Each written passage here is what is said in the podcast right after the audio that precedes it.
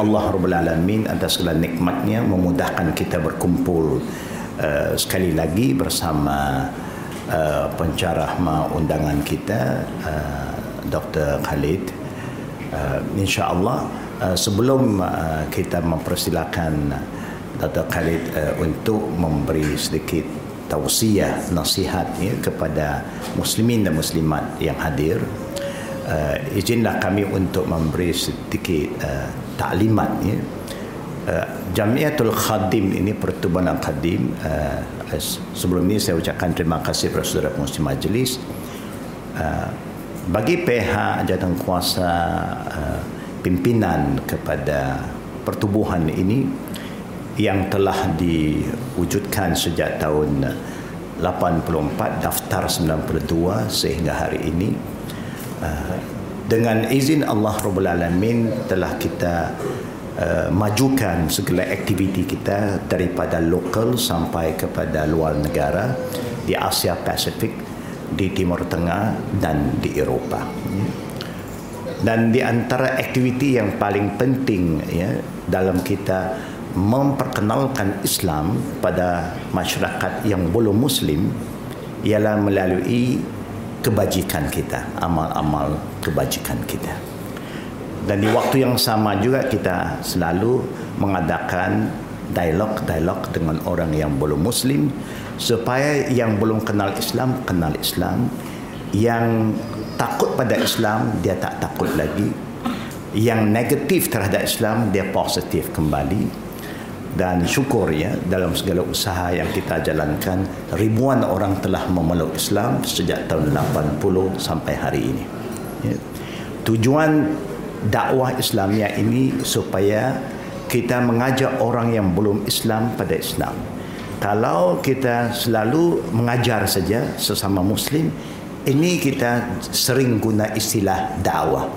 Dakwah ilallah menyeru orang di luar masuk ke dalam sesama muslim kita namakan harka islahiyah iaitu satu usaha untuk memperbaiki keadaan umat Islam tasfiyah wa tarbiyah. Supaya niat kita semua lillahi taala dalam apa juga amalan kita dan tarbiyah kita mengikut manhaj Quran wa sunnah wal ijma al khulafa ar rasyidin kemudian berijma al ulama baru kita kembali pada qiyas. Itu manhaj yang kita pakai untuk memastikan bahawa masyarakat Islam tidak keliru, masyarakat yang belum muslim juga mudah memahami apa itu Islam yang sebenar.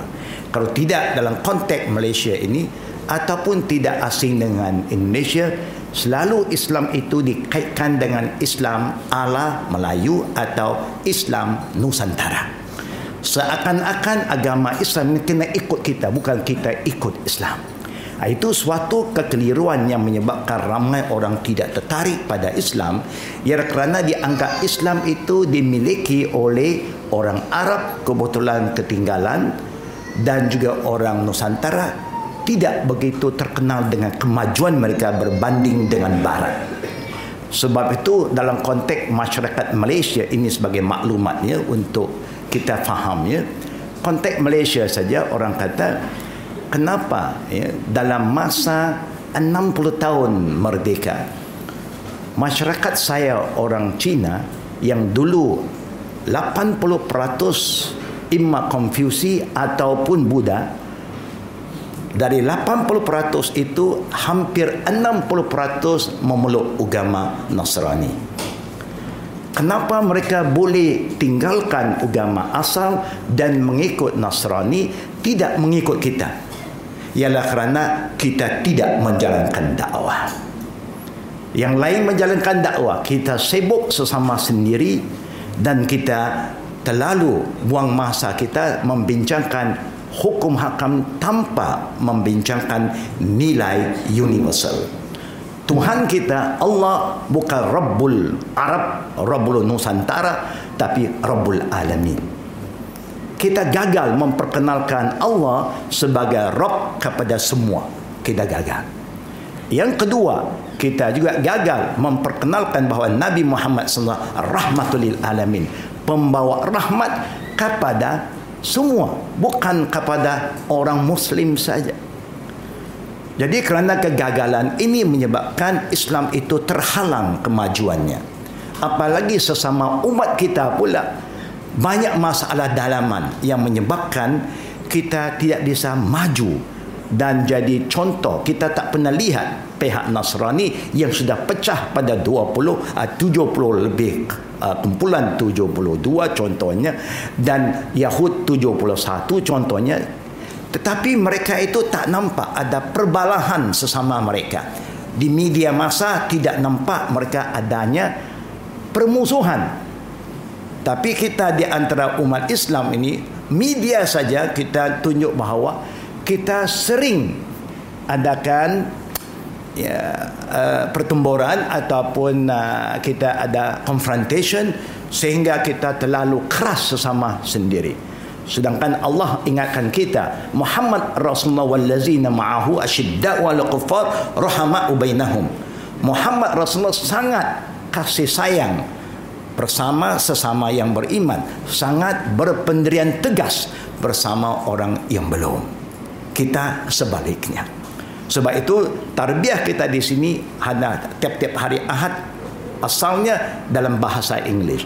Hari ini saya khasnya kerana ada Dr. Khalid bersama kita kita adakan ucap, ucapan kita dalam bahasa Nusantara ya Nusantara kita bahasa Indonesia ya. ya. ya. Jadi kadang-kadang kita pun sudah terbawa. Bawa mudah-mudahan Allah Rabbul Alamin uh, memberi kesedaran pada kita dan kita juga ada kuliah tetap yang boleh diikuti oleh semua jemaah di sini dan sebelum kita akhir majlis uh, hari ini di sini waktu Khalid oh, Dr. Khalid nak habiskan ucapan nanti kita ada masa sedikit minta kita lihat bagaimana aktiviti pengislaman yang kita laksanakan di sini ya.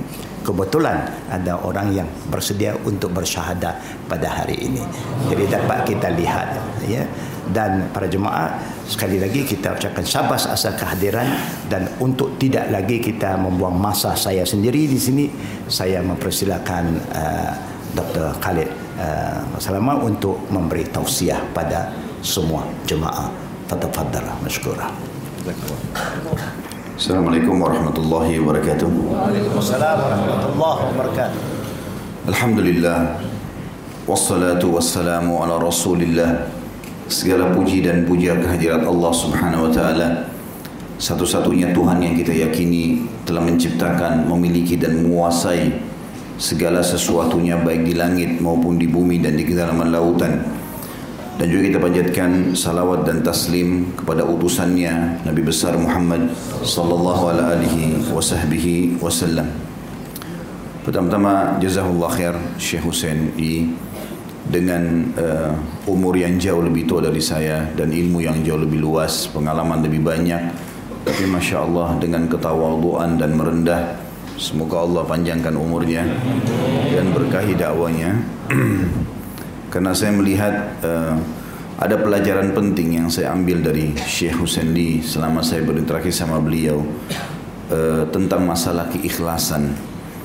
Jadi mungkin kadang-kadang kita tidak menyadari kalau keikhlasan itu merupakan asas dari segalanya.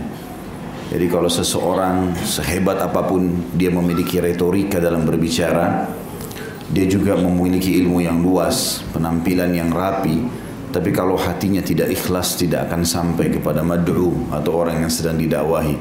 Tapi mungkin orang berbicara biasa saja, tapi karena keikhlasannya, maka insya Allah akan sampai kepada hati manusia.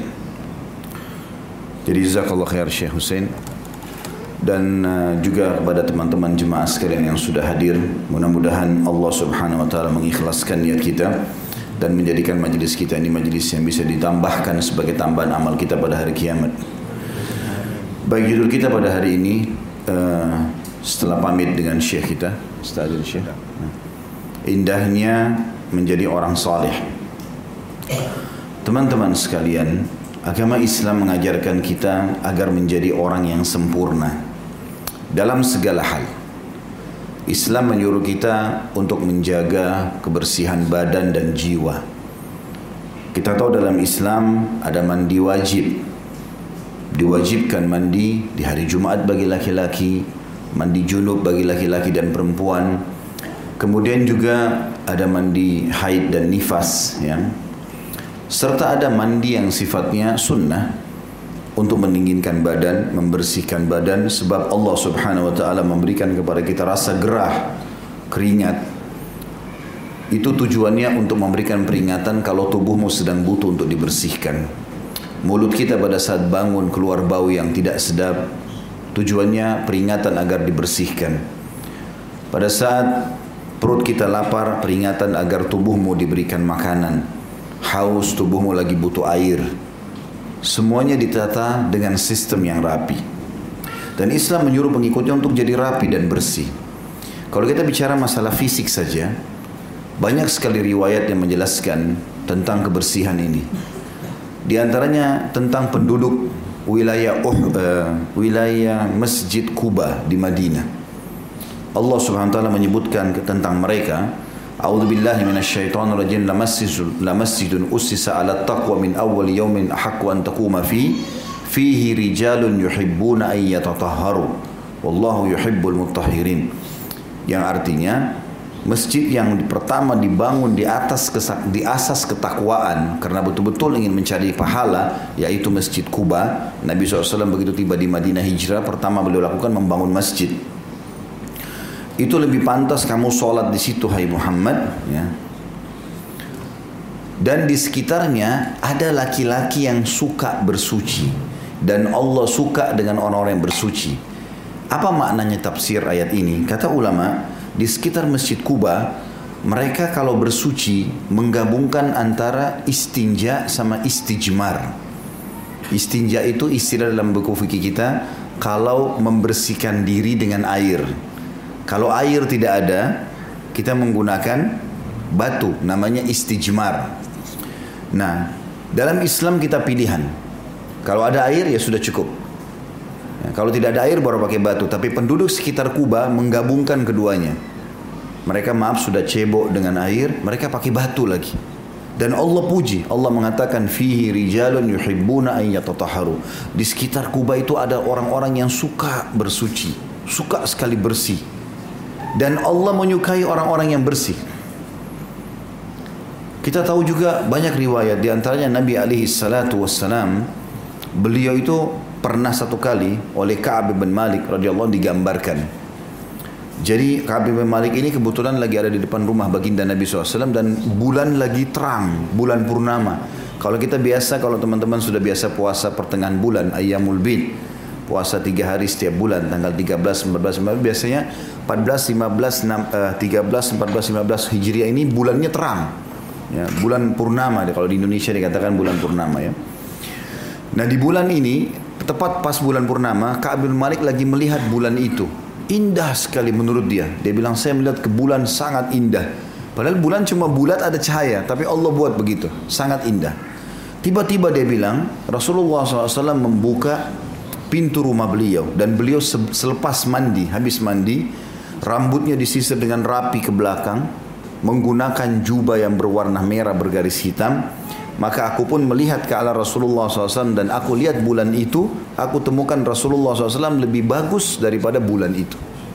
Karena tampannya bersihnya. Para sahabat mengatakan kami kalau berada di sekitar Nabi SAW kami temukan bau yang wangi. Sampai terkadang kalau salaman wanginya tertinggal tiga hari Nabi SAW suka sekali bersiwak. Sampai dikatakan awal yang paling pertama beliau lakukan masuk rumah bersiwak dulu. Supaya bau mulut interaksi sama orang tidak ada. Dan beliau mengatakan kalau saya tidak beratkan umatku, aku akan suruh mereka bersiwak setiap kali mau sholat. Riwayat lain setiap kali mau wudhu. Selalu ada itu. Pernah ada sahabat dalam riwayat lain masuk ke dalam masjid, rambutnya acak-acakan, berantakan, ya jadi tidak rapi. Kata Nabi SAW kepada para sahabat Nabi yang lain, beritahukan orang ini. Supaya dia keluar, sisir rambutnya dulu yang bersih, yang rapi, baru dia masuk ke masjid. Dan beliau mengatakan, Man kana lahu syar, fal yukrimhu. Siapa yang Allah karunia rambut, dia harus menghormatinya, merawatnya. Kita tahu juga dalam Islam ada lima fitrah yang harus dijaga. Kata Nabi SAW, lima asas fitrah harus dijaga. Berhubungan dengan masalah fisik. Khitan, potong kuku, mencukur bulu ketiak, mencukur bulu kemaluan, ya. Ini dan mencukur kumis bagi laki-laki. Ada anjuran-anjuran Berhubungan semua dengan masalah kebersihan, kerapian. Ya, dan ini banyak sekali tergambarkan di dalam kehidupan. Ini sedikit saya kasih gambaran. Begitu juga dengan kita lihat kalau di akhirat. Coba baca tentang surga. Semuanya keindahan, kebersihan, istana yang luas, uh, uh, pakaian dari sutra, gelang-gelang dari emas, semuanya yang mewah dan bagus gitu. Jadi kita di dunia memang dianjurkan juga untuk bersih. Allah suka dengan orang yang bersih di akhirat pun begitu. Nah teman-teman sekalian, saya datangkan contoh tadi ini untuk memberikan gambaran kalau Islam memang menyuruh kita selalu bersih secara fisik. Begitu juga bersih secara jiwa. Secara jiwa, hati kita bersih. Majelis ilmu seperti ini teman-teman adalah makanan bagi jiwa. Kalau kita lagi lapar, fisik lagi lapar, kita makan nasi, makan buah-buahan ya, lagi haus minum air. Kalau jiwa bukan itu, jiwa makanannya ilmu. Jadi banyak orang fisiknya kuat, kekar, tapi jiwanya kurus. Nggak pernah ada isinya. Jadi kalau dia sakit sedikit, keluh kesah. Ada musibah sedikit, nggak bisa sabar. Karena jiwanya kecil. Tapi kalau orang jiwanya besar, sehat, maka secara otomatis fisiknya bisa ikut. Orang kalau selalu punya ilmu syar'i yang bagus, dia belajar tentang keimanan, tentang akhirat, surga, neraka, nanti fisiknya ikut walaupun fisiknya kecil, walaupun fisiknya sakit, walaupun keadaannya miskin bisa sabar karena jiwanya itu. Nah, bagusnya jiwa ini yang akan mengatur juga bagusnya fisik itu disilakan dengan kesolehan. Jadi kalau kita memperbaiki jiwa kita, semuanya baik, jujur, amanah, tanggung jawab, tawakal, yakin, banyak hal-hal yang merupakan sifat jiwa itu, maka dia akan memperbaiki fisik kita secara otomatis. Gitu. Nah baiknya jiwa dan fisik ini itu namanya kesolehan. Maka judul kita hari ini indahnya menjadi orang soleh. Sementara lawannya adalah fasik. Fasik berarti orang bobrok, ya, jauh dari kebersihan, jauh dari kerapian, jauh dari baiknya jiwa. Kalau orang jiwanya nggak baik dari dalam, hatinya selalu dengki, iri, hasut, ya. Kemudian penuh dengan was-was, penuh dengan segala macam hal yang bertolak belakang dengan tadi kebaikan jiwa itu. Tidak pernah mau masuk di majelis ilmu, maka fisiknya pun berpengaruh. Nanti akan berpengaruh pada realita fisik itu, ya. Maka ini namanya kefasikan dan Islam melarang itu. Allah pun membuat secara fitrah, secara fitrah kita suka dengan kesolehan itu. Jadi misalnya kalau ada orang senyum, ramah, baik, dermawan, ya baik semua, kita mengatakan oh orang ini baik. Memang Islam menyuruh itu. Dan secara fitrah alami juga kita nggak suka dengan orang yang fasik, orang yang kasar, orang yang suka fitnah. Kita juga nggak suka. Dan semua orang nggak suka itu. Berarti memang dasarnya kesolehan itu bagus, agama juga anjurkan dan disukai oleh Allah, dijanjikan pahala besar, disukai oleh manusia. Dan juga kefasikan itu Allah benci, Allah berikan ancaman banyak dan manusia juga tidak suka. Allah menggambarkan tentang bedanya antara kesolehan dengan kefasikan ini. Contoh misal dalam surah Sad, surah nomor 38 dalam Al-Quran, ayatnya 28. A'udzu billahi minasyaitonir rajim. Am naj'alul ladzina amanu wa amilus solihati kal mufsidina fil ard am naj'alul muttaqina kal fujjar. Mana mungkin kata Allah kami akan berikan kedudukan yang sama antara orang yang beriman dan beramal soleh dengan orang yang membuat kerusakan di muka bumi. Dan bagaimana bisa kami jadikan orang yang bertakwa, yang patuh, yang halal dinikmati, yang diperintahkan dikerjakan, yang dilarang dijauhi, dengan fujar orang-orang yang fajir, orang yang fasik, yang jauh dari agama. Jadi Allah bilang tidak mungkin sama, mustahil. Ya. Kemudian dalam ayat yang lain Allah juga mengingatkan dalam surah Ghafir surah nomor 40 ayat 58 A'udzu billahi minasyaitonir rajim wa may yastawil a'ma wal basir walladzina amanu wa amilus solihati walal musi qalilan ma tadhakkarun tidak akan pernah sama antara orang buta dan orang melihat. Orang yang melihat kayak kita Alhamdulillah beda dengan orang buta. Orang buta nggak bisa melihat apa-apa. Walaupun sama-sama hidup. Tapi berbeda. Kata Allah demikianlah perbedaan juga antara orang yang beriman dan beramal soleh dengan orang yang pelaku pelanggaran atau fasik. Musi itu sama dengan perbuatan fasik. Tapi sangat sedikit kalian mau memikirkan itu. Ya. Jadi jangan disamakan, beda sekali. Begitu juga dengan firman Allah. Allah terus ulang ilan ingatkan dalam surah Al-Jathiyah. Surah nomor 45 dalam Al-Quran ayat 21. A'udzu billahi minasyaitonir rajim. Am hasibal ladzina ijtara'u as-sayyi'ati an naj'alahum kal ladzina amanu wa 'amilus solihati sawa'un mahyahum wa mamatuhum sa'a ma yahkumun. Tidak akan pernah kami jadikan apakah mereka mengira kami akan menjadikan sama antara orang-orang yang terus berbuat dosa dengan orang-orang yang beriman dan beramal soleh baik itu kehidupan mereka ataupun kematian mereka sangat buruk apa yang mereka hakimi itu. Jadi nggak mungkin sama.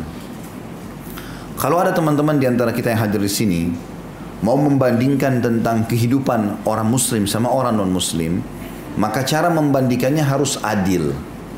Maksudnya begini ada orang di antara kita banyak teman-teman sekalian, dia mau membandingkan keadaan dia secara ekonomi yang kira-kira mungkin ekonominya biasa sekali, tapi tetangganya ada orang yang kaya raya. Lalu dia menganggap, oh saya kalau jadi muslim saya miskin ya. Kalau ini tidak miskin. Saya tidak bisa punya rumah, mungkin gaji saya kecil. Sementara ini ya bisa. Ini kadang-kadang terutama kita di Asia Tenggara karena mayoritas Muslim ya. Kita tidak coba berlaku adil di sini.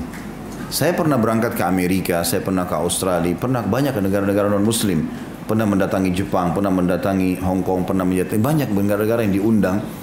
Saya melihat banyak orang miskin, banyak sekali, dan hidupnya juga susah gitu. Jadi bukan berarti orang kalau beriman kemudian dia hidupnya susah. Kalau ada orang beriman mungkin tolok ukurnya, hartanya kurang, mungkin. Tapi ada kebahagiaan jiwa yang susah sekali untuk dibeli dengan harta. Sampai kata Nabi SAW mengatakan dalam hadis siapa yang bangun di pagi hari. Dia aman di tempat tinggalnya. Sehat badannya. Dia punya makanan hari itu. Maka seakan-akan dunia telah berkumpul semua padanya. Islam menjadikan tolok ukur itu bukan selalunya harta. Tapi kalau kita mau adil pertemukan antara orang muslim yang kaya, yang baik sama orang kafir yang baik. Kita akan nanti ada perbedaan. Ada seorang jemaah saya di Jakarta dari Lombok beliau, Allah yarham sudah meninggal, pernah umroh dengan saya. Satu waktu dia pernah datang dengan saya ke restoran saya di Jakarta. Kemudian dia duduk ngobrol dan dia ditemani dengan satu orang orang non muslim. Ya. Ini dua-duanya orang kaya.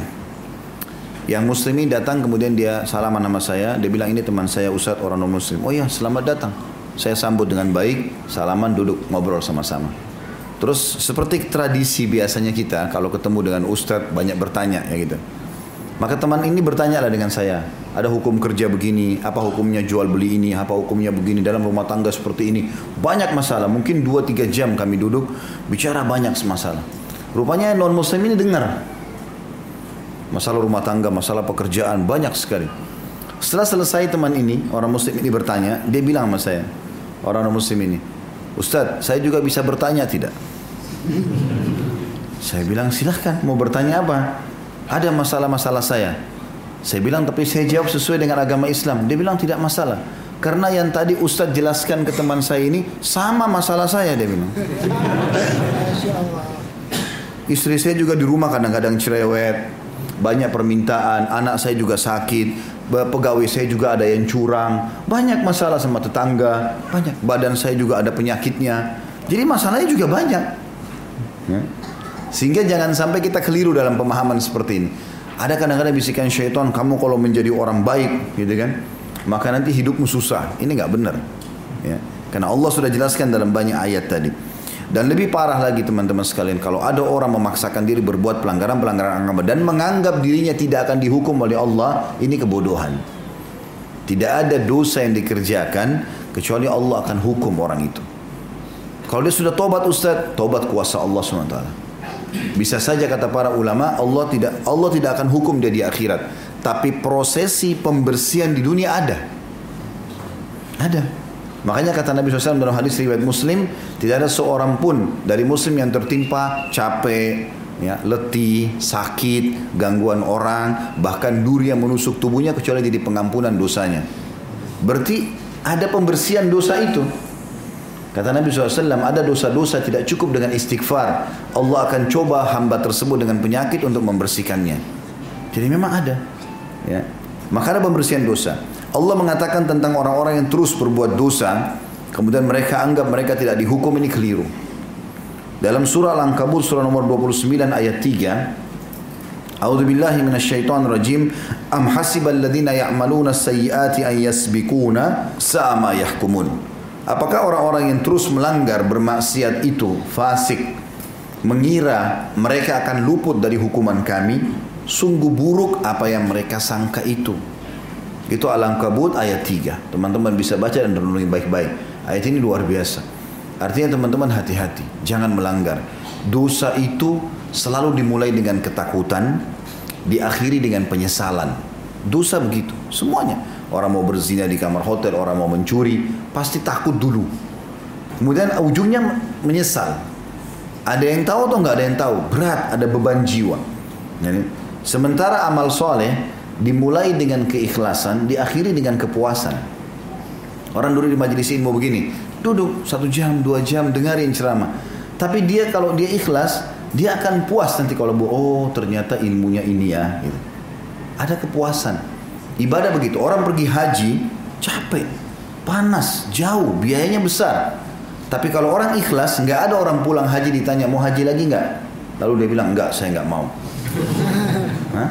Padahal capek, panas. Tapi karena ikhlas, maka dia akan bilang, iya tentu saya mau. Mudah-mudahan satu waktu saya akan kembali. Kecuali dia tidak ikhlas. Baik, saya ingin lebih dalam membahas teman-teman sekalian apa manfaatnya menjadi orang soleh? Kalau teman-teman menjadi orang yang baik, patuh sama Allah, dapat apa sebenarnya? Saya akan ringkaskan ada 17 poin ya, yang baru saya bisa susun. Mungkin tentu ilmunya Allah luas sekali. Yang pertama sekali, Allah menjanjikan kehidupan yang baik. Atau diistilahkan dengan hayatun tayyibah. Allah berfirman dalam surah An-Nahl, surah nomor 16 ayat 97. Saya berharap kalau teman-teman punya Al-Quran di handphone dibuka. Karena ini semuanya pakai ayat Al-Quran. Untuk dijanjikan kehidupan yang senang, yang bahagia, yang baik, itu Allah bilang dalam surah An-Nahl surah nomor 16 ayat 97, A'udzu billahi minasyaitonir rajim, "Man 'amila salihan min dzakarin aw untha wa huwa mu'minun falanuhyiyannahu hayatan thayyibah wa lanajziyannahum ajrahum bi ahsani ma kanu ya'malun." Siapa pun yang beramal soleh, amal soleh artinya patuh terhadap perintah Allah, wajib atau sunnah dikerjakan semua. Yang diharamkan, yang dilarang haram atau makruh ditinggalkan, makruh pun ditinggalkan. Siapa yang mengerjakan amal soleh dari laki-laki dan perempuan sementara dia beriman, falanuhyiyannahu hayatan thayyibah. Kami pasti kata Allah memberikan dia kehidupan yang thayyibah. Jadi saya berikan penjelasan dulu. Orang Arab ini kalau menggunakan kalimat uh, itu betul-betul sudah high quality udah. Jadi kalau makanan itu lezat, orang Arab mengatakan ladil, enak, nikmat ya. Tapi kalau udah wangi, rasanya enak, porsinya pas, mereka bilang tayyibah. Ta'am tayyib. Tadinya awalnya ta'am laziz, cuma nikmat saja. Tapi kalau sudah luar biasa, maka mereka menggunakan tayyib. Makanya baginda Nabi SAW mengganti nama Madinah Munawwarah, Al-Madinah Munawwarah dulu namanya Yathrib sebelum Islam masuk. Nabi SAW ganti pertama kali dengan Tayyibah dan Toba. Artinya negeri yang nyaman untuk ditinggali, penduduknya baik, semuanya bagus. Baru kemudian muncul istilah yang lain Al-Madinah Al-Munawwarah. Kota yang penuh dengan cahaya kenabian. Tapi di sini Allah SWT janjikan dan ini tidak mungkin salah. Inna Allah la yukhliful mi'ad. Allah tidak akan pungkiri janjinya. Allah bilang kami pasti hidupkan dia dengan kehidupan yang baik walanajziyannahum ajran bi ahsani ma kanu ya'malun dan kami akan berikan pahala yang sempurna. Kata sebagian ulama tafsir, kalau dia baik, dia soleh, Tiap hari kerjanya ada orang, tidak ada orang, tetap dia patuh sama Allah. Apa yang wajib on time dikerjakan, yang sunnah juga selalu begitu, yang haram dan makruh ditinggalkan, maka secara otomatis pada saat dia mau makan, Allah kasih dia makanan yang tayyibah. Minum, minum yang tayyib. Kemudian eh, rumah tempat tinggal, tempat tinggal yang tayyib. Istri atau pasangan suami yang tayyib. Keturunan yang. Semuanya tayyibah. Jadi satu paket. Makanya teman-teman Jangan kalau ada yang sempat hadir kemarin, kemarin sempat ada bahasan juga kita indahnya menjadi hubungan dengan Sang Pencipta Allah. Tapi kalaupun tidak, maka saya membahasakan kita kalau beribadah, asal kita betul-betul ikhlas ya dan punya ilmu, maka kita akan nikmati itu. Ada kenikmatan. Nikmat sekali ibadah itu. Cuma teman-teman ada timbangan. Timbangan amal, ada timbangan amal baik, amal buruk ya. Kenapa ada sebagian orang kalau dia sholat belum bisa khusyuk? Kenapa dia kalau sedekah masih hitung-hitung? Kenapa dia kalau bangun sholat malam dia tidak mau bangun misalnya, atau dia berzikir masih malas, atau apalah, menjenguk orang sakit, bakti orang tua banyak. Karena amal solehnya ini masih berimbang dengan dosanya. Dia sholat iya, tapi dia masih suka gunjing, fitnah, riba, masih macam-macam. Jadi amal soleh sama dosanya masih berimbang. Makanya ini tidak khusyuk, ini juga tidak khusyuk. Iya, ini tidak ada nikmat, ini tidak nikmat. Orang kalau beribadah masih ada dosanya, masih berimbang, nggak bisa khusyuk, percuma. Teman-teman kalau merasa kalau sholat masih sering mengkhayal, perbanyak istighfar kepada Allah SWT. Selain memperbaiki bacaan dan juga gerakan sholat. Nanti ini kalau terus pintu dosa, tentu teman-teman sekalian lebih tahu dosanya mana. Ini ditutup kerannya, jangan sampai ada lagi dosa. Nanti biar ini naik. Ini kalau naik, lebih khusyuk nanti. Contoh kalau teman-teman pernah umroh atau haji, saya pernah bimbing di Saudi selama 9 hari reguler umroh. Gitu. Selama 9 hari di sana kerjanya azan ke masjid. Pulang ke hotel, tunggu azan lagi untuk ke masjid. Nanti sore ada pengajian. Masuk ke mall, nggak ada musik. Perempuan semua berhijab. Nggak ada pintu dosa. Apa bahasa jemaah saya? Ustaz, Kenapa di sini rasanya sudah dekat sama surga ya? Iya. Ini kalau mati besok siap ini. Karena rasanya enak sekali. Tapi kalau kita kembali ke Indonesia lain. Saya bilang karena di sini Bapak Ibu jadi orang soleh. Sholat selalu tunggu waktu sholat mana ini, langsung lari ke masjid, lupain semua kegiatan, gitu kan? E, pengajian dihadiri, masuk ke mall gak ada dosa, perempuan semua berhijab, nggak ada musik sedikit pun. Satu Saudi itu mallnya nggak ada musiknya. Apalagi di Mekah sama di Haram dekat Mekah, Masjid Haram dan Masjid Nabawi itu nggak ada memang. Jadi lain naik rate-nya ya. Jadi khusyuk ini akan ada, kenikmatan akan ada kalau ini terus dinaikkan. Ini pintu dosa ditutup, nggak boleh ada lagi. Bapak Ibu lebih tahu dosa apa yang dilakukan. Sebaliknya kalau ini naik, ini turun lebih jauh, tambah nggak bisa. Orang dari Allahu Akbar sampai Assalamualaikum warahmatullah dia nggak sadar. Dia cuma sadar di Allah Akbar, Assalamualaikum baru sadar lagi. Karena ini dosanya lebih banyak. Jadi nggak ada kehusuan. Kalau dia berimbang, dua-duanya nggak enak. Saya kasih contoh, ibadah itu punya kenikmatan teman-teman.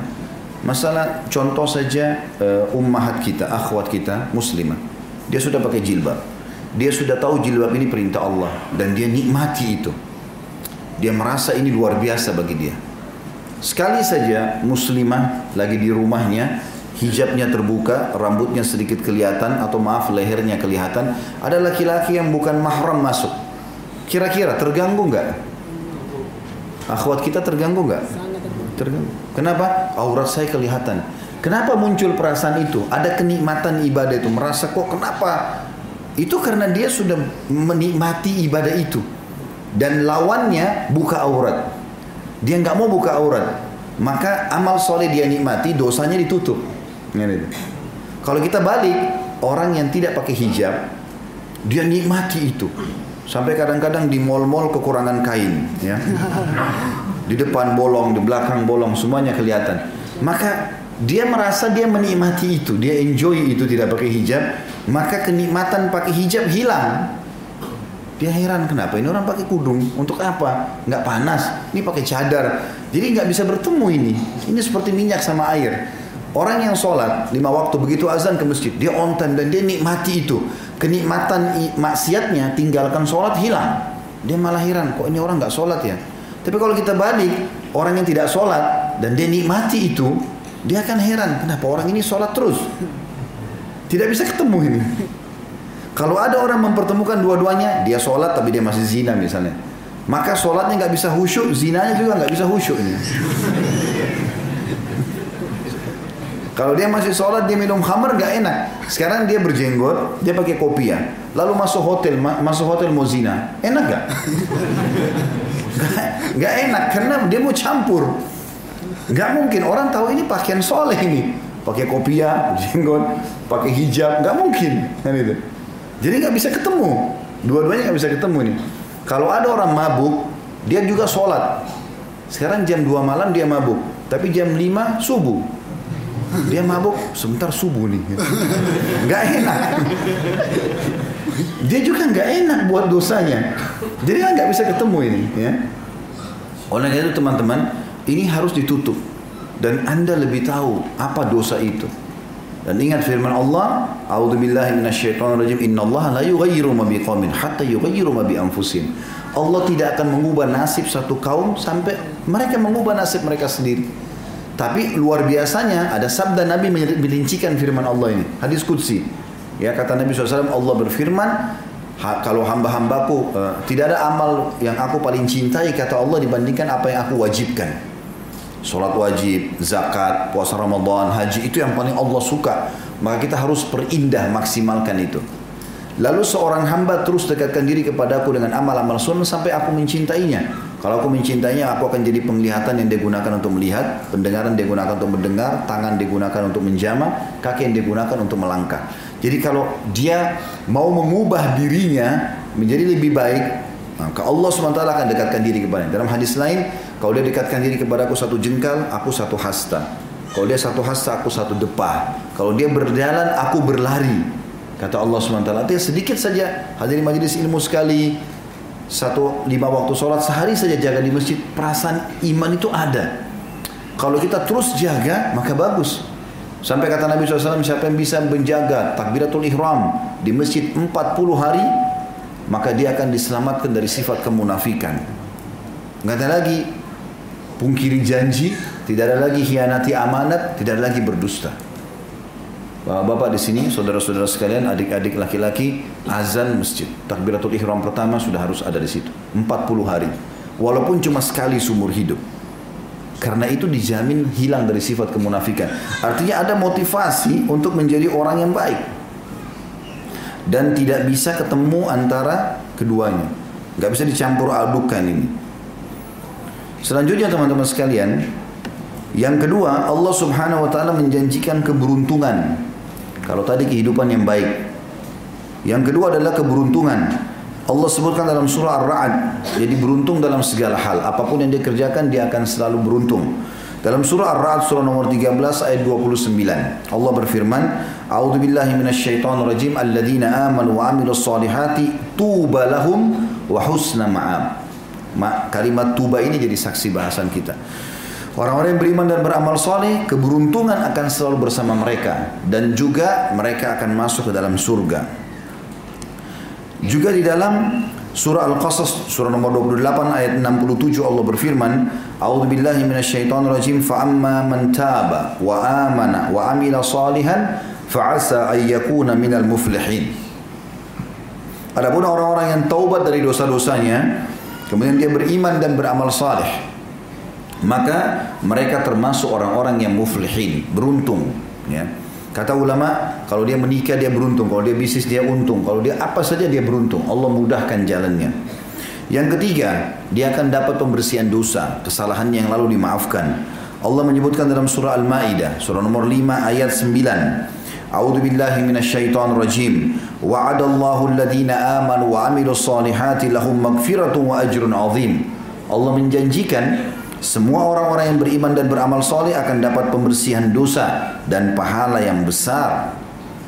Dalam surah Hud, surah nomor 11 ayat 11, Allah juga berfirman, A'udzu billahi minasyaitonir rajim illal ladzina sabaru. Ini di akhir ayat ya. Hud surah nomor 11 ayat 11, illal ladzina sabaru wa amilus solihati ulaika lahum wa ajrun. Orang-orang yang sabar dan beramal saleh, maka mereka akan mendapatkan pengampunan dan pahala yang besar. Selanjutnya teman-teman sekalian cukup banyak dalil berhubungan dengan masalah itu. Yang keempat ya mendapatkan hidayah, petunjuk ya dari Allah swt. Petunjuk dalam segala hal, terutama dalam berbuat kebaikan. Kata sebagian ulama, kalau orang beriman dan beramal soleh, mata dia bisa Allah arahkan sesuatu untuk dia dapat pahala. Contoh, memindahkan batu dari jalanan atau kotoran ya, atau duri. Dalam hadis dikatakan gitu ya, memindahkan sesuatu dari jalanan itu imatatul adza akan menyelamatkan dari atau akan memasukkan ke dalam surga. Ada hadis yang sahih menjelaskan masalah itu. Maka kalau kita lagi jalan dan memang kita berorang soleh, Allah bisa arahkan mata kita ke situ untuk melihat itu. Sehingga kita bisa ya memperbaiki itu petunjuk. Azan walaupun kita tidak punya jam, tiba-tiba kita merasa sudah dekat waktu sholat. Ya, ada orang miskin, ada bisikan, mata kita lihat orang miskin terus untuk membantu. Ada gerakan itu namanya hidayah. Petunjuk yang bisa kita berbuat kebaikan. Dan kalau kita mau buat keburukan ada peringatan-peringatan. Jangan nanti begini nanti begitu. Itu namanya semua hidayah. Allah menyebutkan tentang orang yang beramal soleh ini selamat dan memberikan mendapatkan hidayah dalam surah Yunus surah nomor 10 ayat 9 A'udzu billahi minasyaitonir rajim innal ladzina amanu wa amilus solihati yahdihim rabbuhum biimanihim. Orang-orang yang beriman dan beramal soleh pasti Tuhan mereka memberikan hidayah atau petunjuk kepada mereka, baik mengerjakan kesolehan, kebaikan ataupun meninggalkan dosa. Juga dalam surah At-Talaq surah nomor 65 ayat 11 Allah berfirman, "A'udzu billahi minasyaitonir rajim, liyukhrijal ladzina amanu wa 'amilus solihati minadh dhulumati ila nur." Allah SWT akan mengeluarkan orang yang beriman dan beramal soleh dari kegelapan kepada cahaya yang terang benderang. Artinya mendapatkan petunjuk di sini. Yang kelima, mereka akan mendapatkan kasih sayang Allah. Ya, kalau kita waktu kecil, ibu kita suka berkasih sayang. Jadi kalau kita nangis, haus dikasih, lapar diminum, ngantuk digendong, banyak hal. Itu berkasih sayang. Allah SWT menjanjikan juga kasih sayangnya kepada ya, hamba-hambanya. Dan sebelum saya baca surah ini, ada sebuah hadis dalam uh, hadis Nabi SAW yang berbunyi Allah telah menciptakan 100 rahmah 100 kasih sayang. Satu Allah turunkan di muka bumi. 99 Allah simpan untuk hamba-hambanya pada hari kiamat. Dan yang satu itu adalah di antaranya binatang atau kuda ya. Diberikan pemandangan di sini kuda yang mengangkat kakinya supaya anaknya bisa lewat dan tidak keinjak rahmatnya Allah luas Orang beriman dijanjikan itu. Ya. Dan rahmat atau kasih sayang yang sangat dalam disilakan dengan wud. Wud. Ya. Makanya Nabi SAW mengatakan tazawwajul waludul wadud. Menikahlah dengan wanita yang sumur dan wadud, penyayang sekali. Santun, rapi, eh, sopan, ya, subur. Ini semua disuruh mencari wanita yang seperti itu. Apa kata Nabi SAW dalam surah eh, kata Allah SWT dalam surah Maryam? Surah nomor 19 ayat 96 berhubungan dengan masalah itu. A'udzu billahi minasyaitonir rajim. Innal ladzina amanu wa amilus solihati sayaj'al lahumur rahmanu wudda. Orang-orang yang beriman dan beramal soleh di antara kalian akan Allah berikan rahmat kepadanya dan wudda, kasih sayang yang mendalam. Allah kasihan sama dia terus. Allah tutupin aibnya, Allah penuhi kebutuhannya. Yang keenam, Allah janjikan derajat yang tinggi derajat yang tinggi. Artinya kedudukan-kedudukan, tapi ini lebih tinggi pada derajat di surga ya. Allah menyebutkan dalam surah Toha, surah nomor 20 ayat 75, A'udzu billahi minasyaitonir rajim, wa may ya'tihi mu'minan qad amila as-salihati fa ulaika lahumud darajatul ula. Siapa pun yang beriman kepada Allah datang pada hari kiamat dan beramal soleh banyak kebaikan-kebaikannya maka mereka akan mendapatkan derajat-derajat yang tinggi.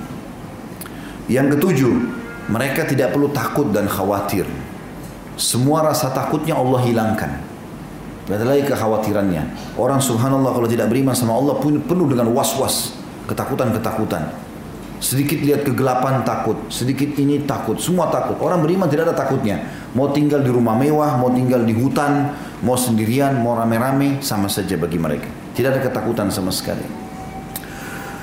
Maka Allah menyebutkan masalah itu dalam surah Al-Maidah surah nomor 5 ayat 69. A'udzu billahi minasyaitonir rajim. Al-Maidah surah nomor 5 ayat 69. Man amana billahi wal yawmil akhir wa amila salihan fala khaufun alaihim wa lahum yahzanun. Orang-orang yang telah beriman kepada Allah dan hari akhir dan mereka beramal saleh, maka tidak ada rasa takut kepada mereka dan tidak ada kesedihan. Enggak ada sama sekali was-was. Uh, izinkan saya berbagi kisah di sini uh, ada seseorang dari salafus saleh dari tabi'in bernama Muhammad. Muhammad ini teman-teman terkenal sekali ibadahnya, ya. Dia uh, salah satu ibadah yang sangat terkenal adalah sholat malam yang tidak pernah ditinggal. Baik dalam keadaan mukim atau musafir. Dan terkenal sekali dia kalau sudah sholat seakan-akan di sebelahnya ini tidak ada lagi manusia, tidak ada makhluk. Biar dia di hutan, rumput-rumput liar itu menjadi seperti karpet yang mewah. Binatang-binatang buas itu menjadi seperti tidak ada di depan dia. Semua dia tidak takut. Kebakaran terjadi dia nggak peduli. Pokoknya dia sholat malam. Satu waktu ada seorang temannya bernama Abdullah. Abdullah ini tahu si Muhammad ini tapi dia tidak pernah lihat ibadahnya cuma dengar orang bicara apa satu waktu dia pergi jihad dan dia heran di malam hari pada saat pasukan lagi istirahat si Abdullah ini menceritakan rupanya si Muhammad ini ada di pasukan dia lihat dari jauh orang lagi istirahat semua di tengah malam di hutan ya Orang lagi istirahat turunkan pelana kudanya lagi mengikat kudanya segala macam. Si Abdullah tiba-tiba lihat Muhammad ini. Ada Muhammad. Muhammad ini terkenal ibadahnya luar biasa. Sampai-sampai tidak pernah tinggalkan sholat malam walaupun di medan jihad, walaupun di hutan. Dan kalau dia sholat seperti rumput liar seperti karpet. Binatang buas seperti tidak ada depan dia. Tidak ada ketakutan sama sekali kecuali kepada Allah. Maka dia bilang, malam ini kata Abdullah, saya akan mengawasi Muhammad. Saya mau lihat bagaimana dia ibadah gak? Waktu itu betul-betul dia bilang kita kami sangat capek, letih sekali. Karena perjalanan jauh, besok harus hadapi musuh. Memang malam itu harus istirahat. Dia bilang tiba-tiba, saya lihat Muhammad dan saya lihat Muhammad juga turunkan pelanah kudanya, ya tempat duduk kuda itu diturunkan, kudanya diistirahatkan. Baru dia bilang, saya mau lihat Muhammad sholat gak? Ternyata Muhammad tidur juga. Semua pada tidur termasuk Muhammad. Lalu dia bilang, saya bilang dalam diri saya sendiri, mana cerita orang Katanya Muhammad ini orangnya sholat malam terus. Buktinya dia tidur. Tapi saya mau coba awasi. Subhanallah betul. Waktu semua prajurit sudah tidur, kata Abdullah, tiba-tiba Muhammad ini bangun, terus dia jalan pelan-pelan.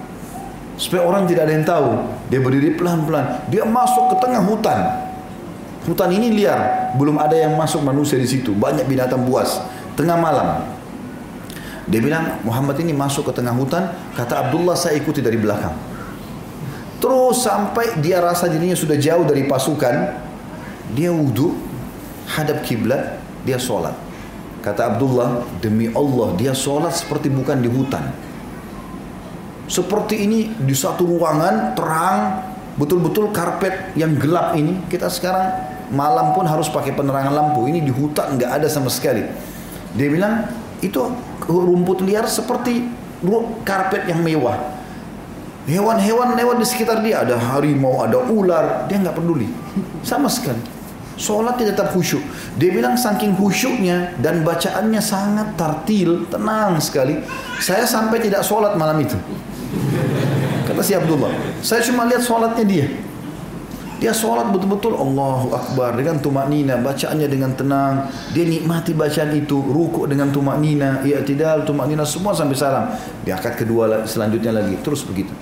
Kata Abdullah, saya terus memantau, melihat apa yang sedang dia lakukan orang ini.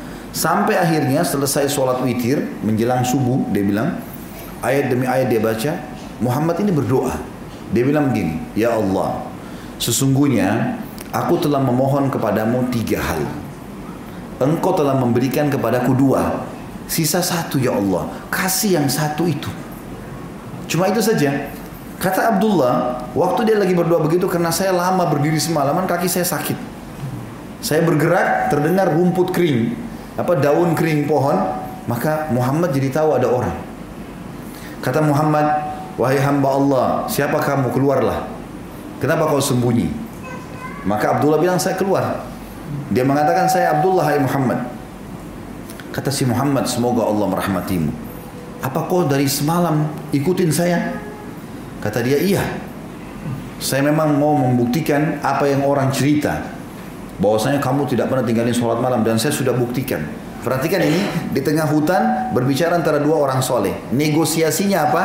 Apa kata si Muhammad? Ya, dia bilang tolong jangan ceritakan orang ini negosiasinya nih. Ya? Kita subhanallah baru satu kali sholat malam cari siapa yang mau diceritakan. Ya. Ini Dia sudah dilihat semalam suntuk, dia bilang, tolong rahasiakan. Dalam bahasa Arab, usturni. Jangan ceritain orang nih, gitu kan. Maka kata si Muhammad, e, baiklah. Eh, kata si Abdullah, baiklah. Saya tidak akan cerita. Tapi ada syaratnya. Kata dia, apa syaratnya? Kata si Muhammad. Syaratnya kau harus menceritakan tiga doamu itu. Apa yang kau minta sama Allah tiga itu? Apa yang sudah Allah kasih dua, apa yang belum dikasih satu? Kata si Muhammad, sudahlah. Ya, untuk apa tahu rahasia saya? Jadi di tengah hutan negosiasi supaya jangan ada yang cerita nih. Ini luar biasa negosiasinya. Bukan masalah transaksi barang. Ini masalah jangan cerita atau ceritain. Kata si Abdullah, saya tidak akan cerita sama orang. Ibadahmu asal kau ceritakan doamu. Kalau kau tidak cerita demi Allah saya expose ini. Saya akan bicara. Kata Muhammad baiklah. Karena kau bersumpah atas sama Allah. Kalau yang pertama, ini saksi bahasan kita ya, Allah hilangkan rasa takut. Dia bilang apa? Dia bilang saya minta kepada Allah agar rasa takut saya kepada selain Allah diangkat. Tidak ada rasa takut dan Allah kabulkan. Sampai-sampai yang kau lihat saya masuk tengah hutan, ada binatang sebelah saya, apa saja saya tidak pernah takut. Kecuali kepada Allah. Allah angkat itu. Dan ini doa yang baik. Jarang kita fikirkan doa itu ya. Minta sama Allah, ya Allah, hilangkan semua rasa takut kecuali kepadamu. Ini luar biasa. Ah, kata si Abdullah, yang kedua apa? Kata dia yang kedua, saya minta kepada Allah agar syahwat saya, hawa nafsu saya, Allah hilangkan kecuali pada istri saya saja. Yang halal saja. Yang haram tidak ada sama sekali. Kata dia, demi Allah Allah kabulkan sampai-sampai tidak ada bedanya antara perempuan yang bukan mahram saya dengan tembok bangunan. Sama saja. Seperti tidak ada syahwat pokoknya. Istri ada syahwat, kalau yang lain tidak ada. Dan ini dua-dua yang mulia supaya orang tidak berzina. Ya Allah buatlah syahwatku ada pada pasangan halalku gitu kan. Bukan pada yang haram. Setelah itu dia bilang Allah kabulkan. Kata Abdullah yang ketiga yang Allah belum kasih apa? Ini permintaannya unik ini. Dia bilang saya minta kepada Allah agar dihilangkan rasa kantuk saya supaya saya tidak mengantuk. Jadi semalam suntuk saya ibadah terus. Pagi saya bekerja, nggak ada ngantuk lagi. Tapi Allah belum kasih karena kadang-kadang saya masih ngantuk. Ini luar biasa. Bagaimana Allah Subhanahu wa taala membuktikan kepada kita orang soleh memang dihilangkan rasa takutnya. Kemudian juga dalam firman Allah Subhanahu wa taala dalam surah Toha surah nomor 20 ayat 112 A'udzu billahi ayat 72 ya. Eh 112 benar. Tulisan saya agak kecil soalnya di sini. Ya. Ini saya tulis sendiri, saya bukan nyontek dari orang lain ya. A'udzu billahi minasyaitonir rajim. Wa may ya'mal minas salihati wa huwa mu'minun fala fala yakhafu dhulman wala hadma. Barang siapa yang ber, ber, ber, beramal saleh sementara dia beriman, maka tidak perlu dia takut kezaliman dan tidak perlu dia takut kebinasaan. Artinya kalaupun ada orang berbuat zalim sama dia, Allah akan tolong dia. Kemudian yang kedelapan, Allah akan berikan rezeki yang luas. Rezeki ini bukan cuma uang, harta ya, tapi kesehatan, ya, berfungsi anggota tubuh, semuanya ini termasuk dalam rezeki. Semua yang membuat roda kehidupan di bumi berjalan namanya rezeki. Allah berfirman dalam surah Al-Hajj surah nomor 22 ayat 50. A'udzu billahi minasyaitonir rajim. Falladzina amanu wa amilus solihati lahum maghfiratun wa rizqun karim. Orang-orang yang beriman dan beramal soleh pasti akan dapat pengampunan dosa dan rezeki yang karim. Karim itu orang Arab juga membahasakan karim kalau bagus sekali. Ya. Kalau ada laki-laki suka berbagi, orang biasa mengatakan orang Arab orang ini baik, jud, ya. Tapi kalau ada orang sudah tidak ada perhitungan, semua dikasih, nggak pernah orang minta ditolak. Namanya karim, dikatakan rajulun karim. Allah mengatakan rizkun karim, dikasih rezeki yang tidak ada batasan. Juga teman-teman sekalian di dalam uh, poin yang kesembilan, Allah akan berikan kedudukan di muka bumi.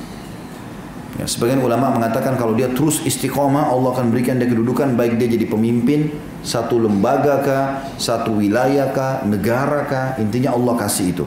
Allah sebutkan dalam surah An-Nur surah nomor 24 ayat 55. A'udzu billahi minasyaitonir rajim. Wa'adallahu alladhina amanu minkum wa 'amilus la yastakhlifannahum fil لا yastakhlifannahum في الأرض كما استخلف الذين من قبلهم ولا la yumakkinanna lahum diinahum alladzi irtada lahum wa la yubaddilannahum min ba'd min ba'di khawfihim amna ya'budunani la yusyrikuuna bi syai'a wa man kafara ba'da dzalika ini dilihat ya An-Nur ayat 55 artinya Allah telah menjanjikan siapa pun di antara kalian yang beriman dan beramal soleh maka akan diberikan kedudukan di muka bumi sebagaimana Allah telah berikan kedudukan kepada orang-orang yang telah beriman sebelum mereka. Dan pasti Allah akan menguatkan agama mereka yang telah Allah ridhoi.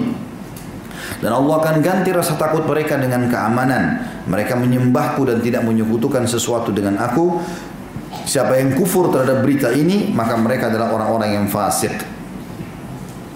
Juga dalam surah Al-Anbiya surah nomor 21 ayat 105 Allah berfirman Al-Anbiya surah nomor 21 ayat 105 A'udzu billahi minasyaitonir rajim annal arda yarithuha ibadiyas salihun Bumi ini pasti akan diwarisi oleh hamba-hambaku yang beriman atau saleh.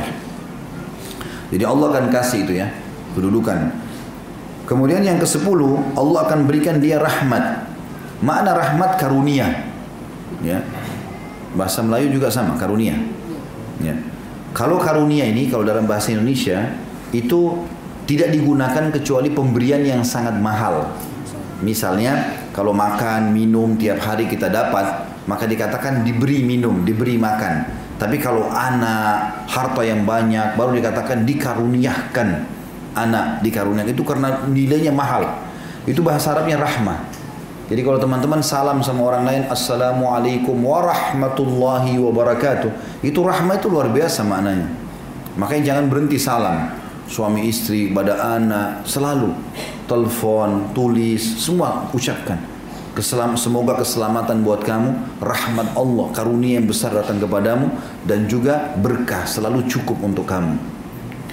Allah mengatakan tentang rahmat ini dalam surah Al-Jathiyah Surah nomor 45 ayat 30 أعوذ بالله من الشيطان الرجيم فأما الذين آمنوا وعملوا الصالحات فيدخلهم ربهم في رحمته Siapapun yang beriman dan beramal soleh maka Allah akan masukkan dia ke dalam rahmatnya. Selanjutnya teman-teman sekalian yang ke-11 Allah akan berikan dia keselamatan dari kerugian. Ya, khusran. An-najah minal khusran dia akan diselamatkan dari kerugian-kerugian. Allah sebutkan dalam surah Al-Asr, ini yang sudah kita hafal semuanya. Ya. Al-Asr surah nomor 103 tiga ayat ayat tiga ayatnya. A'udzu billahi minasyaitonir wal asri demi waktu kalian di dunia innal insana lafi khusr. Semua manusia pasti rugi illa alladhina amanu wa amilus solihat kecuali yang beriman dan beramal saleh wa tawasaw bil haqqi wa tawasaw bis sabr makanya saling menasehatilah mewasiatkan agar berpegang pada kebenaran dan juga sabar tapi di sini orang beriman dan saleh akan selamat dari itu yang kedua belas mereka akan bertemu dengan Allah SWT atau dalam arti kata Allah SWT janjikan bagi mereka surga di dalam surah Al-Kahfi surah nomor 18 ayat 110 A'udzu billahi minasyaitonir rajim. Faman kana yarju liqa'a rabbih falyamal amalan shalihan. Siapa yang mau bertemu dengan Tuhannya pada hari kiamat, maka dia harus beramal saleh. Kalau teman-teman sudah tahu alhamdulillah. Kalau belum tahu perlu kita garis bawahi, nikmat terbesar di surga melihat wajahnya Allah. Itu nikmat terbesar. Disebutkan dalam hadis Bukhari bahwasanya nanti kalau ahli surga sudah masuk semua ke dalam surga, tidak ada lagi di neraka kecuali orang yang kekal kafir, munafik atau musyrik. Kalau orang muslim yang fasik ada dosanya masih bisa masuk ke surga setelah bersih dosa-dosanya. Tapi kalau neraka sudah bersih, tidak ada lagi orang muslim di sana termasuk orang fasik sudah masuk semua ke dalam surga, maka Allah akan kumpulkan mereka sementara Allah belum terlihat waktu itu. Saat dari awal di dunia sampai itu Allah belum terlihat, ya. Maka Allah pun mengatakan, "Hai hamba-hambaku, apakah kalian sudah merasa puas dengan apa yang aku berikan?" Kata mereka semuanya tentu saja. Kami mau nikmat apa lagi ya Allah? Setelah engkau selamatkan kami dari neraka, masukkan kami ke surga. Karena nanti insya Allah kita di surga teman-teman sekalian. Kita bisa lihat neraka. Supaya kita selalu bersyukur kepada Allah. Tidak masuk ke sana. Dan orang neraka bisa lihat surga. Supaya mereka selalu menyesal. Maka kata ahli surga, nikmat apa lagi setelah kami selamat dari neraka masuk ke surga? Ini penyiksaan, ini nikmat abadi. Maka kata dalam hadis Bukhari ini dikatakan ada dua riwayat. Riwayat yang pertama, Allah mengatakan hari ini aku angkat murkahku, ya, maka berbuatlah semau kalian. Enggak ada Allah tidak akan marah lagi bagi ahli surga. Dan kata Nabi SAW dan ahli surga tidak akan buat kecuali kebaikan. Riwayat yang kedua saksi bahasan kita. Allah pun mengangkat hijabnya. pemisah antara dia dengan hamba-hambanya. Maka pertama kali ahli surga melihat Allah. Jadi ahli neraka tidak akan lihat Allah. Hanya ahli surga. Maka pada saat mereka melihat Allah, mereka mengatakan, Ya Allah tidak ada nikmat yang mengalahkan melihat wajahmu yang mulia. Maka Allah pun memperlihatkan dirinya di setiap pagi dan petang. Dan itu nikmat terbesar bagi ahli surga. Maka salah satu doa yang diajarkan kita oleh Nabi SAW pada saat tahiyat terakhir, Wa as'aluka laddatan nadhara ila wajhik wa syauka ila liqa'ik Ya Allah aku minta agar bisa melihat kelezatan melihat wajahmu yang mulia dan rindu untuk bertemu denganmu. Jadi itu salah satu hal yang diberikan kepada orang yang soleh. Yang keempat belas, Allah subhanahu wa ta'ala memerintahkan kita menikah dengan orang soleh dan soleha atau menikahkan mereka dengan anak-anak kita. Justru kita mencari mereka. Allah sebutkan dalam Al-Quran, dalam surah An-Nur, surah nomor 24 ayat 32. A'udzu billahi minasyaitonir rajim wa ankihul ayama minkum was-salihin min ibadikum wa. Dan nikahlah kalian atau nikahkanlah orang-orang yang sendirian di antara kalian dari orang-orang soleh baik dari sahaya laki-laki dan sahaya perempuan kalian. Jadi Allah SWT mengingatkan masalah itu. Umar bin Khattab radhiyallahu anhu pada saat Hafsah radhiyallahu anha menjadi janda maka beliau keliling cari Siapa yang bisa jadi suaminya Hafsah? Pertama ditawarkan Uthman bin Affan. Padahal Uthman waktu itu sudah sangat berumur. Sudah tua, sudah punya anak. Tapi yang dicari oleh Umar kesolehannya. Hai Uthman, Hafsah layak jadi istri nikahi. Maka Uthman mengatakan saya belum ada hajat sekarang hai Umar. Umar keluar lagi, siapa yang dia cari? Kenapa Uthman duluan yang dicari? Karena Nabi SAW bilang, Hai muslimin, ya diingatkan kita nikahkan anak-anak perempuan kalian dengan Uthman karena aku tidak nikahkan dia dengan kedua anak perempuanku Ruqayyah dan Ummu Kalthum setelah Ruqayyah meninggal Ummu Kalthum dinikahi. Kecuali wahyu dari langit. Jadi satu-satunya umat Islam yang Allah suruh nikahkan anak perempuan kita dengan Uthman bin Affan. Anda dia masih hidup berlaku hadis itu. Tapi sudah meninggal radhiyallahu anhu. Yang jelas uh, Umar keluar cari siapa lagi nih? Oh Abu Bakar. Abu Bakar ditawar. Hai Abu Bakar, Hafsah layak jadi istri nikahilah. Padahal waktu itu ada Anas bin Malik, ya, ada Abu Hurairah, ada orang yang sebaya dengan Hafsah. Tapi Umar cari siapa yang paling soleh. Karena benih, maaf sperma, kesolehan bisa terwariskan. Bisa terwariskan kesolehan itu. Maka yang terjadi adalah uh, di sini Umar radhiyallahu anhu bilang sama Abu Bakar, Abu Bakar diam saja. Maka Umar keluar dari rumah Abu Bakar kecewa. Kenapa nggak kasih jawaban? Iya atau enggak? Tapi Abu Bakar tetap diam. Umar pulang sholat malam sujud sama Allah tiga malam. Minta ya Allah kasih jodoh terbaik buat anak saya. Tiga hari kemudian datang lamaran Nabi SAW. Maka Umar pun gembira langsung diterima lamarannya Nabi menikahlah Hafsah. Di hari pernikahan Nabi SAW dengan Hafsah, Abu Bakar datang kepada Umar lalu mengatakan, Hai Umar, saya tahu kau kecewa dengan aku. Tidak berikan jawaban tentang pernikahan Hafsah. Demi Allah tidak ada yang menahan saya mau menikahi Hafsah kecuali saya dengar Rasulullah SAW sudah sebut-sebut Hafsah. Kalau Nabi SAW tanya, bagaimana kabarnya anaknya Fulan? Bagaimana kabarnya si Fulana? Ditanya oleh Nabi, berarti Nabi ada minat mau nikahi. Maka di sini Umar Bakar mengatakan demi Allah saya tidak nikahi Hafsah karena itu. Kalau bukan Nabi SAW nikahi, saya akan nikahi dia. Tapi saksi bahasan kita bagaimana Umar mencari memang orang-orang saleh itu. Ya. Selanjutnya teman-teman sekalian, yang ke-15 ya, kita dianjurkan untuk selalu berdoa agar menjadi orang soleh karena kebaikan kesolehan itu sendiri. Di antara doa yang masyhur ini teman-teman usahakan dibaca, dihafal, baik yang sudah menikah ataupun yang belum menikah. Yang belum menikah lebih butuh doa ini. Dalam surah Al-Ahqaf, surah nomor 46 ayat 15, Allah berfirman, أعوذ بالله من الشيطان الرجيم ربي أوزعني أن أشكر نعمتك التي أنعمت علي وعلى walidayya. Ya يا الله mudahkan aku untuk selalu bersyukur kepadamu terhadap segala nikmat yang kau limpahkan kepadaku dan kepada kedua orang tuaku. Wa an a'mala salihan tardah dan supaya aku mampu mengerjakan amal saleh yang kau ridhai wa aslih li fi dhurriyyati dan perbaiki keturunan-keturunanku biar juga jadi orang-orang saleh Inni tubtu ilaika wa innani minal muslimin. Aku telah bertobat kepadamu dan aku termasuk orang-orang muslim. Ini doa selalu dibaca.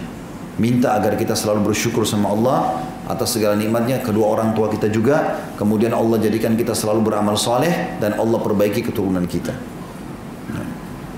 Kemudian juga sudah sangat masyhur surah Safat surah nomor 37 ayat 100. Allah berfirman ini doa juga dianjurkan bagi orang yang sudah punya keturunan atau sebelum punya keturunan pun minta sebelum punya anak sudah minta diberikan keturunan saleh. Rabbi habli minas salihin. Ya Allah mudahkanlah keturunan yang saleh untukku. Ya. Juga ada ayat Al-Quran yang sangat masyhur doanya yang dalam surah Al-Furqan Allah mengatakan eh, Rabbana hablana min azwajina wa dhurriyyatina qurrata a'yun waj'alna lil muttaqina imama.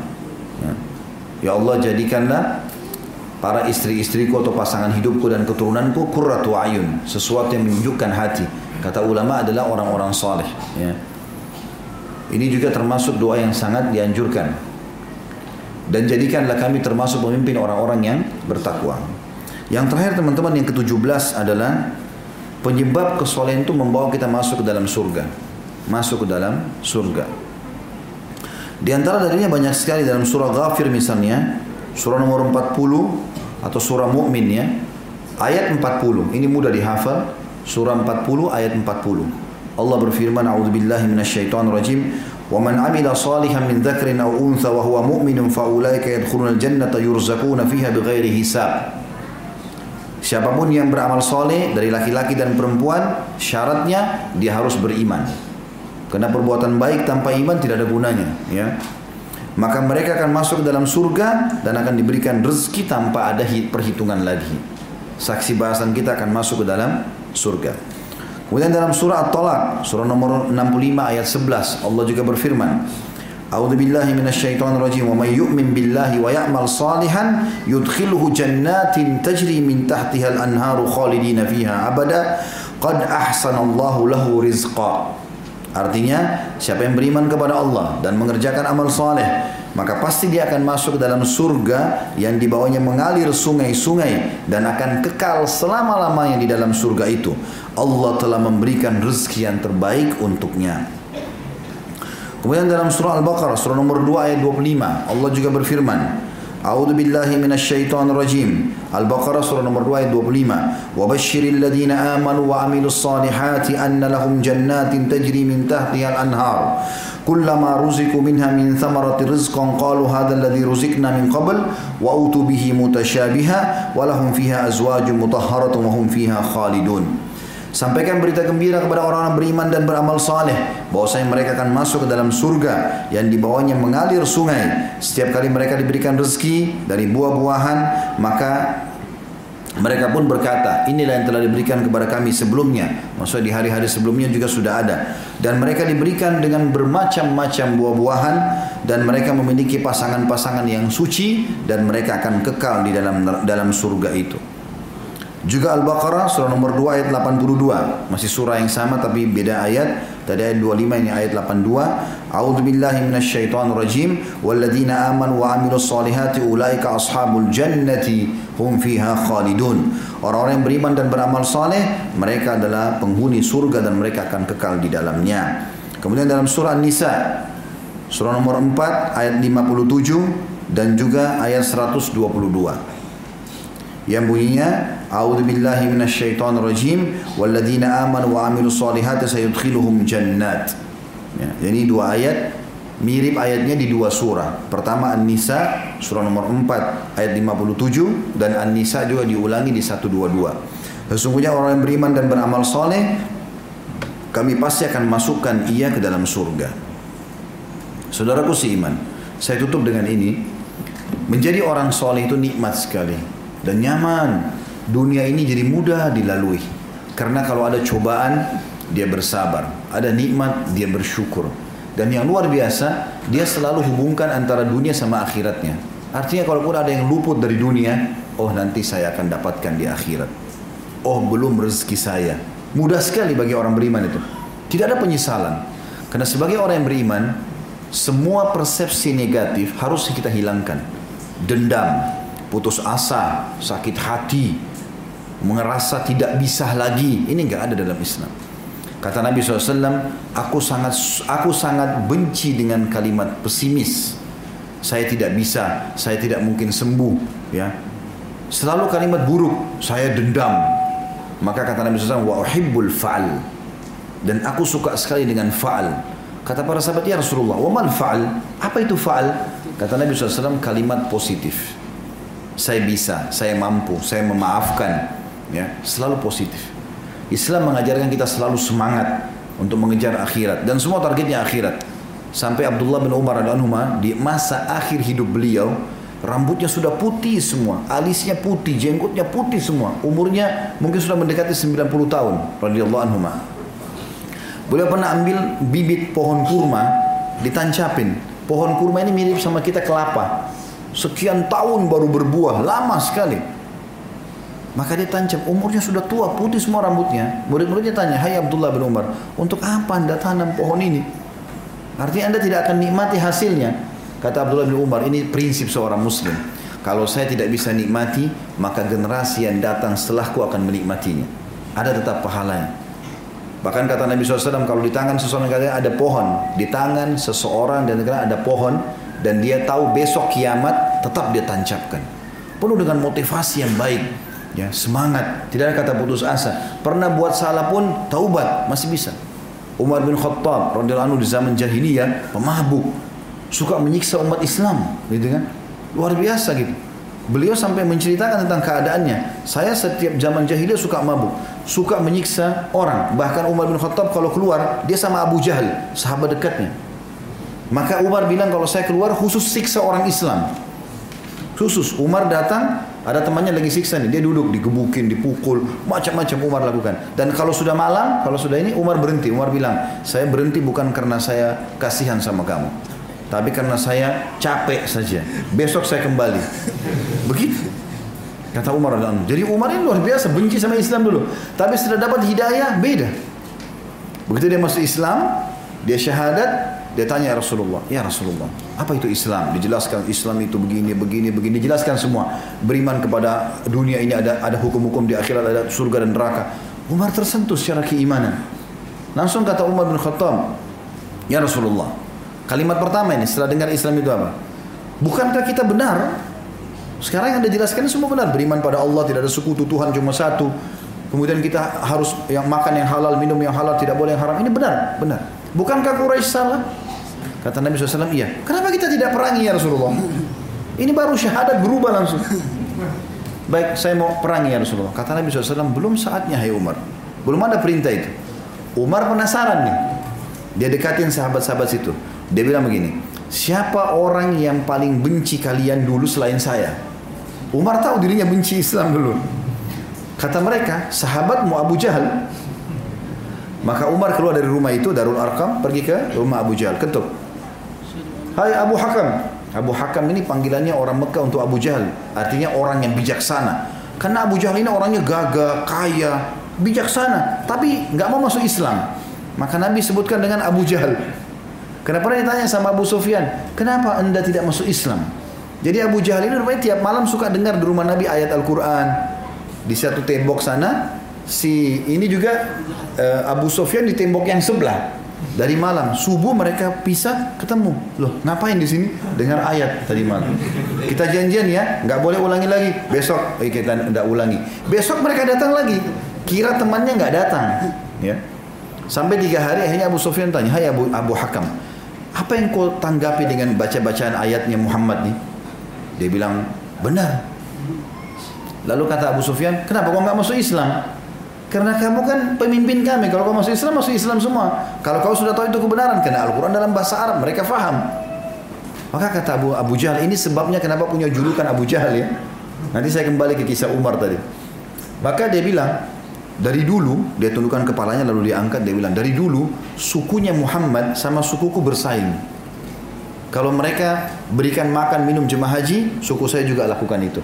Kalau mereka siapkan pasukan bela Mekah, sukuku juga lakukan itu. Sekarang dari suku Muhammad keluar nabi, sukuku nggak ada nabinya. Kalau aku beriman, maka sukuku kalah.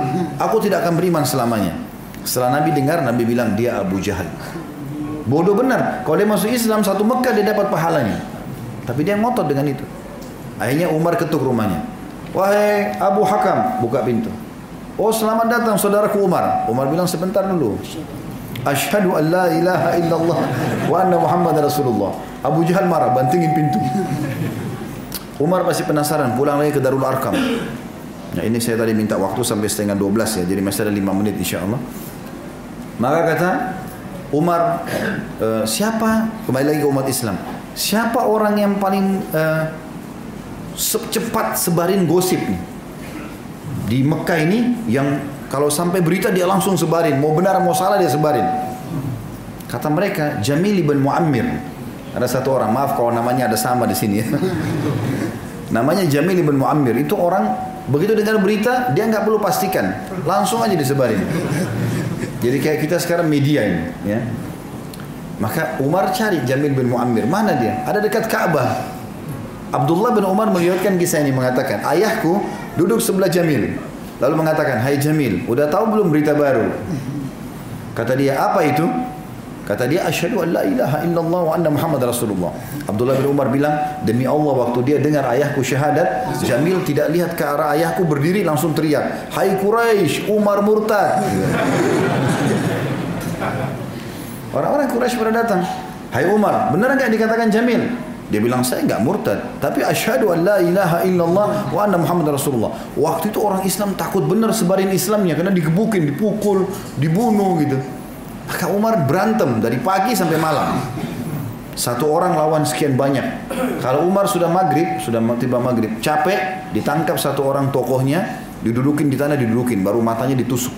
Kata Umar, kalau kau tidak suruh mereka bubar, ya saya akan butakan mata kamu. Maka orang itu, tokoh Quraisy yang ditangkap sama Umar itu, dijatuhkan di tanah, didudukin dadanya. Dia bilang, e, lepaskan Umar karena dia sudah gila, dia akan butakan mata saya. Maka bubar orang Quraisy. Besok Umar datang lagi ke dekat Ka'bah. Asyhadu an la ilaha illallah wa anna Muhammad Rasulullah. Berantem lagi. Sampai malam tangkap lagi satu orang, tusuk matanya. Kalau kau tidak suruh bubar, saya akan butakan matamu. Sampai tiga hari. Hari keempat orang sudah tidak berani lagi. Artinya teman-teman sekalian, ada orang subhanallah dari masa tidak tahu, masa tahu. Dia bisa memperjuangkan kebenaran itu. Dan kita butuh untuk itu. Kita butuh teman-teman setelah mengenal ilmu syar'i, amalkan dan istiqomah. Dan ini tidak bisa kita kerjakan sholat malam sekali, besok tidak dikerjakan. Atau kita sedekah hari ini, besok tidak kita kerjakan. Kita butuh yang Allah katakan, wa'bud rabbaka hatta ya'tiyakal yakin. Kalau kau sudah faham agama ini, maka sembahlah Tuhanmu sampai kematian datang kepadamu. Allahu a'lam. Mudah-mudahan apa yang kita bahas hari ini bermanfaat buat kita dan karena tadi ada acara akan ada yang mengucapkan syahadat dan Syekh Husain langsung membimbing insyaallah masalah ini maka izinkan saya berdoa kepada Allah SWT semoga majlis kita diberkahi olehnya dan dijadikan sebagai tambahan amal kita pada hari kiamat. Semoga seluruh amal yang pernah kita kerjakan yang sedang kita kerjakan dan akan kita kerjakan sampai menjelang ajal datang nanti semuanya diterima dengan pahala yang sempurna. Dan semoga seluruh dosa yang pernah kita kerjakan sengaja tidak sengaja samar ataupun nyata kecil ataupun besar semuanya diganti oleh Allah dengan kemahamurahannya menjadi pahala. Dan semoga seluruh wilayah Islam termasuk Indonesia dan Malaysia diberikan ketentraman kedamaian seluruh umat Islam di bawah naungan ukhuwah Islamiyah diangkat perselisihan di antara mereka dan dalam ibadah mereka kembali kepada Al-Quran dan Sunnah. Dan semoga seluruh pemimpin muslim diberikan hidayah petunjuk agar bisa berlaku adil dan seluruh utang-utang negara kaum muslimin dilunasi oleh Allah Subhanahu wa taala. Dan semoga seluruh yang sedang tertimpa masalah di Palestina, di Syria, di Yaman, di Irak, di Myanmar, di Ahsa, di mana pun mereka berada sedang tertindas semoga Allah ikhlaskan niat mereka terima para syuhada mereka mudahkan Islam di tangan mereka mereka dan tangan kita semua dan Allah ikut sertakan kita bersama mereka di pahala baik dengan doa, dengan harta juga dengan jiwa kita dan semoga Allah dengan kemahamurahannya yang saya yakin sedang mendengar kita karena dia maha mendengar, mengetahui karena dia maha mengetahui dan juga maha melihat karena dia melihat semua gerak-gerik kita agar menyatukan kita semua di surga firdausnya tanpa hisab satukan di majalah majlis yang mulia ini.